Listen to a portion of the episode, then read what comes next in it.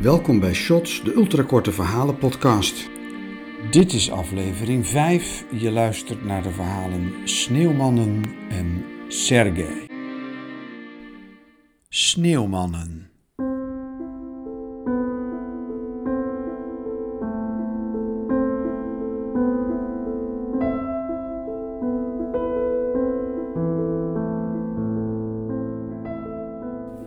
In de winter maakten de buurtkinderen grote sneeuwmannen op de gazons. Instinctief, zo leek het. Ze deden het allemaal. Nadat ze op hun kinderlijke manier voor God hadden gespeeld en hun witte scheppingen een denkbeeldig leven hadden geschonken, werden ze naar binnen geroepen vanuit hun felverlichte thuis. Tegen die tijd was Harry doorgaans zo uitgeput van al dat kleine geluk en de radioactieve uitwerking ervan dat hij later in de nacht naar buiten ging en ze executeerde. Hij gaf de voorkeur aan een nekschot. Het harde zijn woede en gaf hem een gevoel superieur te zijn aan de gelukkige gezinnen die hem omringden.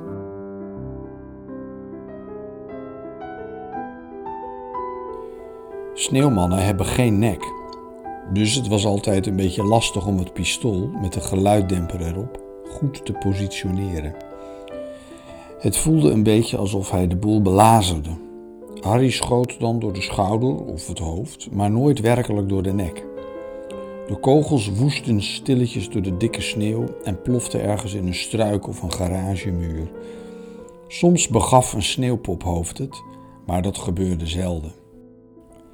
Toch gaf het hem voldoening. Terwijl hij zo bezig was in de nacht, verachtte hij de kinderen omdat ze wel sneeuwmannen maakten, maar nooit een sneeuwvrouw.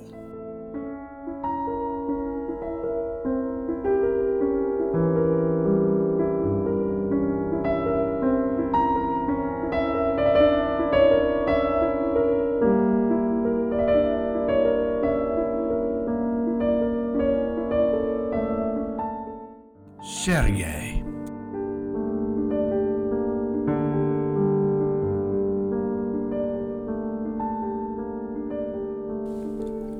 Hier terugkeren dient geen enkel doel. Sergej is zich hiervan bewust. Dit bewustzijn valt niet over het hoofd te zien, want het is het hele eind met hem meegereisd, opdringerig boven hem zwevend. Het heeft zelfs een kleermaker meegenomen, die het een van wolken gemaakt kostuum aanmeet. Langzamerhand verduistert deze grauwe sluier van bewustzijn de lucht precies zoals het met Sergejs gemoed heeft gedaan. Het land lijkt het voorbeeld te volgen.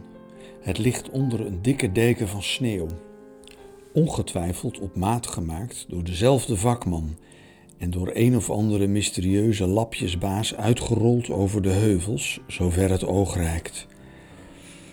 De enige tekenen van leven die deze onzichtbare lappenmannen afgeven, zijn minuscule ademwolkjes in de ijzige lucht, pal voor Sergejs ogen.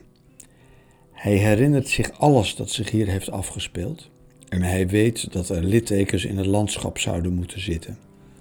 Hoewel hij niets of niemand ziet, vertellen zijn voeten hem dat zich dingen onder de sneeuw bevinden. Kunnen dat zijn kameraden zijn? Kan het de vijand zijn? Gij zult allen uw witte pak uittrekken in het voorjaar en naakt zijn voor de wereld, denkt Sergej. Geloof me.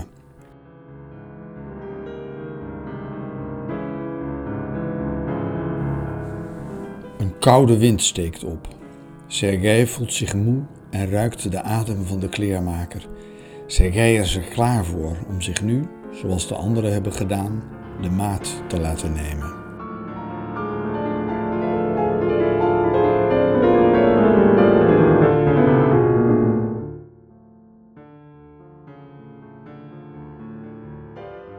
Deze verhalen werden geschreven en verteld door M.H. Vesseur.